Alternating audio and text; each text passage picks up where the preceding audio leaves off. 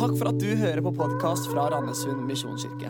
Denne talen er spilt inn på en av våre gudstjenester, og vår visjon er å hjelpe mennesker til tro på Jesus og et liv med Han. Gå inn på mkirken.no eller Randesund misjonskirke på Facebook for mer info.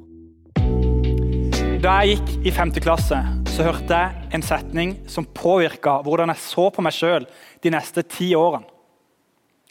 En av mine beste kompiser sa til meg Mats, du har egentlig en ganske stor nese. Og det var ikke noe jeg var bevisst på eller hadde tenkt noe over. i det hele tatt.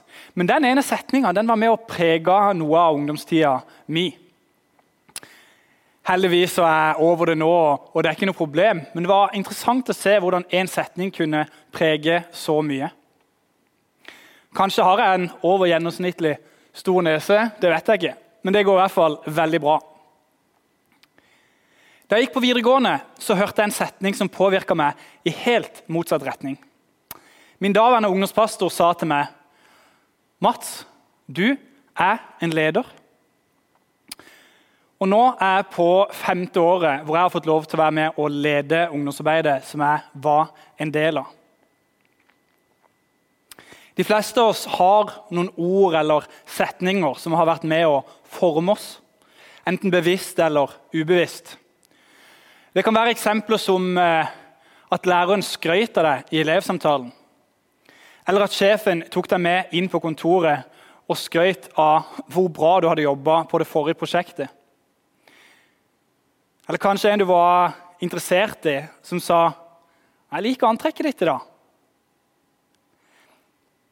Det kan òg være ord som aldri ble sagt, sånn som 'Jeg er glad i deg'. Ord skaper alltid noe.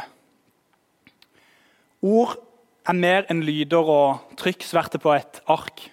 Ord bringer alltid med seg et budskap. Man kan stille seg positiv eller negativ, eller man kan til og med stille seg likegyldig. Men ord det påvirker oss som hører det. I dagens bibeltekst skal vi se hvordan folk ble påvirka når de hørte Guds ord ble talt. Det er pinsedag. Eh, disiplene er i Jerusalem. For en drøy uke siden har de vært vitne til Kristi himmelfart. og Nå har de hatt noen intense dager med bønn og de har fått erfare og motta Den hellige ånd. De begynner å tale på ulike tungemål, og folk stimler seg sammen rundt dem. Da trer Peter fram og holder det som vi regner for den første kristne preken. Det han gjør, det er å forkynne evangeliet på en tydelig og konkret måte. Når vi snakker om Guds ord, eller Ordet, så snakker vi i vid forstand om Bibelen. Men enda mer konkret så snakker vi om evangeliet. Gamle testamentet det peker fram mot Jesus. Brevlitteraturen og åpenbaringa peker tilbake til Jesus. Så Guds ord er evangeliet om Jesus. Så det Peter gjør på denne pinsedagen, det er at han legger fram evangeliet, han legger fram Guds ord. Og så ser vi at det berører mennesker. Og Jeg har lyst til å se på tre ting som ble skapt da folk hørte Guds ord ble forkynt. Og det gjelder for oss i dag. Jeg har lyst til å lese et utdrag fra det som ble sagt. Peter sier, 'Israelitter, hør disse ord.' Jesus fra Nasaret var en mann som Gud pekte ut for dere, med mektige gjerninger og under og tegn, som Gud lot ham gjøre blant dere. Alt dette kjenner dere til. Han ble utlevert til dere, slik Gud på forhånd hadde bestemt og kjente til. Og ved lovløses hånd naglet dere ham til korset og drepte ham. Men Gud reiste ham opp og løste ham fra dødens rier. Døden var ikke sterk nok til å holde ham fast. Og Så ser vi videre at folk reagerte på det som ble sagt om evangeliet. Da de hørte dette, stakk det dem i hjertet, og de sa til Peter og de andre apostlene.: Hva skal vi gjøre, brødre? Peter svarte dem, Vend om og la dere døpe Jesu Kristi navn, hver og en av dere, så dere kan få tilgivelse for syndene, og dere skal få Den hellige ånds gave. For løftet gjelder dere og barna deres og alle som er langt borte, så mange som Herren kaller på. Og med mange ord vitnet han for dem, og han formante dem. La dere frelse fra denne vrangsnudde slekten. De som tok imot budskapet hans, ble døpt, og den dagen ble det lagt til omkring 3000 mennesker. Det skjedde altså noe da disse menneskene hørte Guds ord. Som sagt så skaper ord alltid noe. Og Jeg har lyst til å peke på tre ting som ble skapt da disse menneskene hørte Guds ord, som også gjelder for oss i dag. For det første så ser vi at Guds ord har en kraft som skaper en bevissthet i vår samvittighet. Som vi leser i ordet, så sier de da de hørte dette, stakk det dem i hjertet. Og det er noe med at Når vi hører evangeliet så, og forstår hvorfor Jesus døde, og at han døde for deg og meg, så stikker det i samvittigheten. Fordi det minner oss på at uh, av og til så gjør vi noe som er galt. Det fins et skille mellom noe som er rett og galt, og det tror vi kristne på. At det fins noen gode rammer som Gud har lagt for at vi skal ha det best mulig. Og av og til så bryter vi de rammene. Det minner evangeliet oss om. Og det er litt som i et land så er det også noen regler for å passe på mennesker som bor der. Og for å sikre at minoriteter og de svake sine rettigheter blir ivaretatt. Og Vi kan til og med være enige om at det er bra at det finnes et rettsvesen. fordi da passer vi på at folk får oppreisning. Det som er Problemet er bare at vi av og til da finner oss på tiltalebenken. For det andre så ser vi at Guds ord skaper en kraft, har en kraft som skaper en vei til frelse. Guds ord skaper en vei til frelse.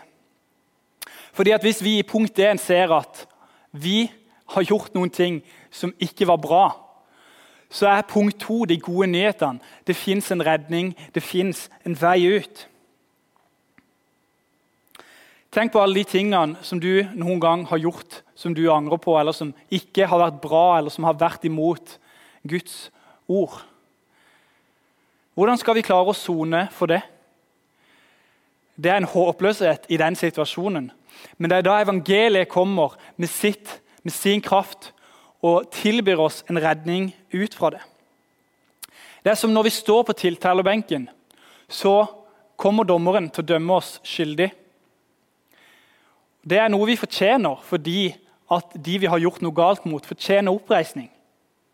Men samtidig så ser vi at evangeliet kommer, og Jesus tar den straffen som vi fortjente. Så evangeliet er gode nyheter for oss som mennesker. Om du velger å ta imot det som han har gitt deg, så tar han det du fortjener, og så får du frihet. Det tredje som skapes i Guds ord, det er at det skaper en mulighet for et nytt liv. Gud kaller oss ikke bare fra noe, han kaller oss til noe. Som Peter sa, så dere kan få tilgivelse for syndene deres og dere skal få Den hellige ånds gave. Som kristne så tror vi at vi får et nytt liv når vi tar imot Jesus. Relasjonen vår med Gud blir gjenopprettet sånn det var ment å leve. Og vi kan få leve med Han her på jorda. Og Det er det mest spennende livet vi kan leve. Det er som når du blir satt fri ut av rettssalen, dørene åpnes, og du får nye muligheter. Plutselig er du i frihet. Og Du får lov til å leve et liv i fellesskap med Gud og med andre mennesker. Ord skaper alltid noe. Og Guds ord skaper noe i oss, om vi tar det til oss. Og Guds ord, det er gode nyheter. Ja, første steg det er å innrømme at vi trenger en redning men andre steg er at den redninga tilbyr han oss, så vi kan ta den imot. Og Derfra kan vi leve et nytt liv i frihet, med fred og med glede. Utallige mennesker har møtt Guds ord og fått livet sitt forvandla. Men så er det sånn om Bibelen er gode nyheter for oss mennesker, hvorfor kan det da være så vanskelig å sette seg ned og lese den? Det er òg noe som mange mennesker har opplevd. Og Jeg skal ikke gå i dybden på akkurat det, men jeg har lyst til å gi deg et lite tips. Jeg skal dra en liten parallell. Nå For en måneds tid siden så ble jeg ferdig med min siste eksamen i praktisk teologi-bacheloren min. Og Pga. situasjonen vi har vært i, så var det en hjemmeeksamen. og Det betydde at alle hjelpemidler var tillatt. Da var det plutselig mye lettere å skrive en god oppgave. Og Det kan være litt sånn med Bibelen også. Absolutt tror vi at vi kan bare sette oss ned og lese Bibelen, og Gud kan åpenbare ting gjennom den. Men det er ingenting galt i å bruke gode ressurser som allerede fins, for å lese i Bibelen. Sjekk ut The Bible Project på YouTube, eller last ned appen uh, YouVersion. Eller kanskje du vil starte en bibelgruppe, så dere kan snakke om det sammen. Eller kanskje du vil starte på en leseplan. Eller kanskje du vil kjøpe et kommentarverk. Det fins mange gode hjelpemidler for å sette seg inn i Guds ord. Og hvis du gjør det, så vil du ikke angre.